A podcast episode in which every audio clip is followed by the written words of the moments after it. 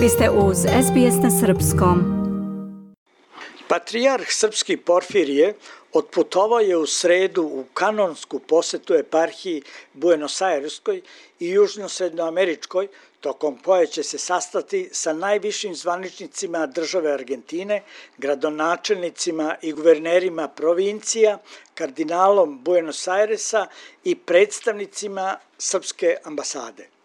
Kako je saopštila Srpska pravoslavna crkva, svečani čin molitve povodom dolaska patrijarha u Argentinu biće upriličen u manastiru Svetog Save u Buenos Airesu. Zajedno sa svojim domaćinom, episkopom Buenos Aireskim i južno-srednjoameričkim Kirilom, Patrijarh i članovi njegove pratnje posetit će 4. novembra manastir Svetog Nikole u Mačagaju, a na kraju će osveštati hram Svete Trojice u Resistenci 5. novembra. Eparhija Buenos Airska i južno-srednjoamerička Srpske pravoslavne crkve osnovana je 2011. godine. Eparhija trenutno ima parohije i misije u Argentini, Brazilu, Čileu, Kolumbiji, Ekvadoru, Venecueli, Peru, Nikaragvi, Kostariki, Panami, Salvadoru, Dominikanskoj republici i Gvatemali. Ovo je prva poseta Argentini jednog srpskog patrijarha. Prema podacima Srpske pravoslavne crkve, u Buenos Airesu živi oko 5000 Srba, a u Argentini oko 10.000 a nekoliko dana u oči puta u Latinsku Ameriku, patrijarh Porfirije održao je prvi put u domu Studenski grad u Beogradu predavanje Razgovori o molitvi. U prepunoj velikoj sali studenti su s pažnjom slušali jednosatno predavanje srpskog patrijarha da bi ga na kraju dugotrajnim aplauzom pozdravili. Jer nije često da vladike Srpske pravoslavne crkve drže predavanja našim akademcima. Patrijarh Porfirije na ovom predavanju između ostalog je rekao. Dragi studenti, ja moram da kažem da sam izuzetno uzbuđen večeras zbog toga što imam priliku da budem ovde u najvažnijem, čini mi se, prostoru našeg naroda. Ili bar u najvećem delu najvažnijeg prostora našeg naroda, zato što ovde ima skoro 5000 studenta,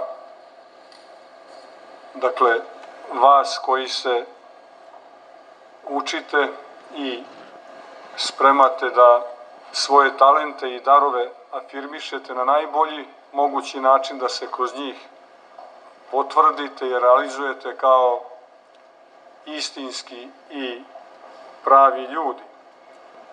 A samim tim, to je već po sebi impozantan broj, da čineći dobro sebi, činite i najbolje što možete za svoj narod, za, kako se to kaže, društvo u kojem živite, za državu.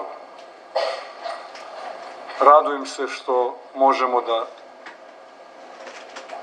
se gledamo licem k licu i da razmenimo nekoliko misli o jednoj od najvažnijih tema za čovekov život. Sa nostalgijom se sećam i vremena kad sam ja studirao i sam sam boravio, živeo sam ovde godinu dana u prvom bloku u sobi broj 41. To je soba da li je to suteren, to je prvi nivo u svakom slučaju koji nema terasu i tada su te sobe imale po četiri legalna studenta i u zavisnosti od situacije još toliko, nekad više, nekad manje, ilegalnih stanara svake sobe. Sećam se i menze, učio sam u čitaonici ovde u studentskom gradu i pravio prve korake u procesu sazrevanja koje je još uvek na svom početku kada je reč o mojoj malenkosti. Kasnije, kao starešina manastira Kovilja, neretko sam dolazio u studentski grad, učestvovao u različitim tribinama i imao priliku i u to vreme još uvek kao mlad monah da skoro sa vršnjacima u to doba takođe delim misli, zajedno tragam, pitam se i napipavam nekakve odgovore na suštinske potrebe čovekovog života. Mi smo odlučili da govorimo o molitvi. Od prvog dana moram da kažem da kada me je crkva izabrala na mesto na kojem se sad nalazim, imao sam unutarnju potrebu, neugasivu, da dođem u studentski grad, da se družim sa studentima i, ako je to moguće, razgovaram o duhovnom životu, o duhovnim temama i evo Bog je dao da danas bude prvi put, a nadam se da će Bog dati jer od njega sve zavisi.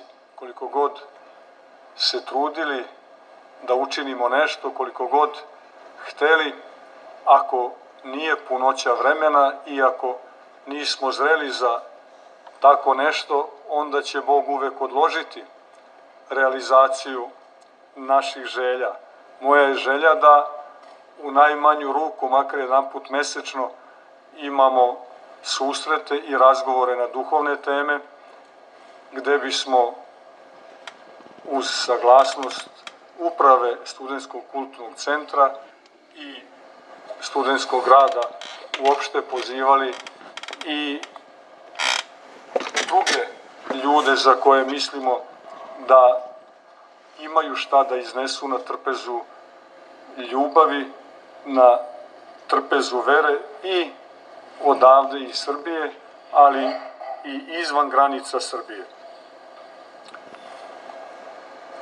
Ja bih počeo konstatacijom da je čovek složeno biće.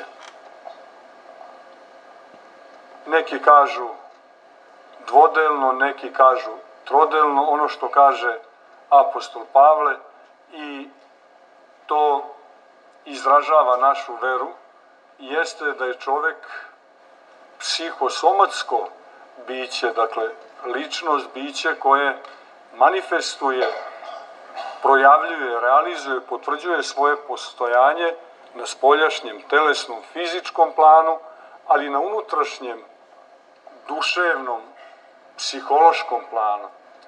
Međutim, ta dvostruka celina koja se zove čovek pozvana je da ono što mu je dato, dakle, psihološko biće i telesno biće učini duhovnim bićem. A čovek postaje duhovno biće onda kada čini napor da ono što mu je dato, ono što on jeste, uspostavi vezu sa Bogom, sa Duhom Svetim. I evo ovo psihosomatsko biće, čovek kao duša i telo, sposoban je da stiče znanja. Iz Beograda za SBS Hranislav Nikolić. Želite da čujete još priča poput ove? Slušajte nas na Apple Podcast, Google Podcast, Spotify ili odakle god slušate podcast.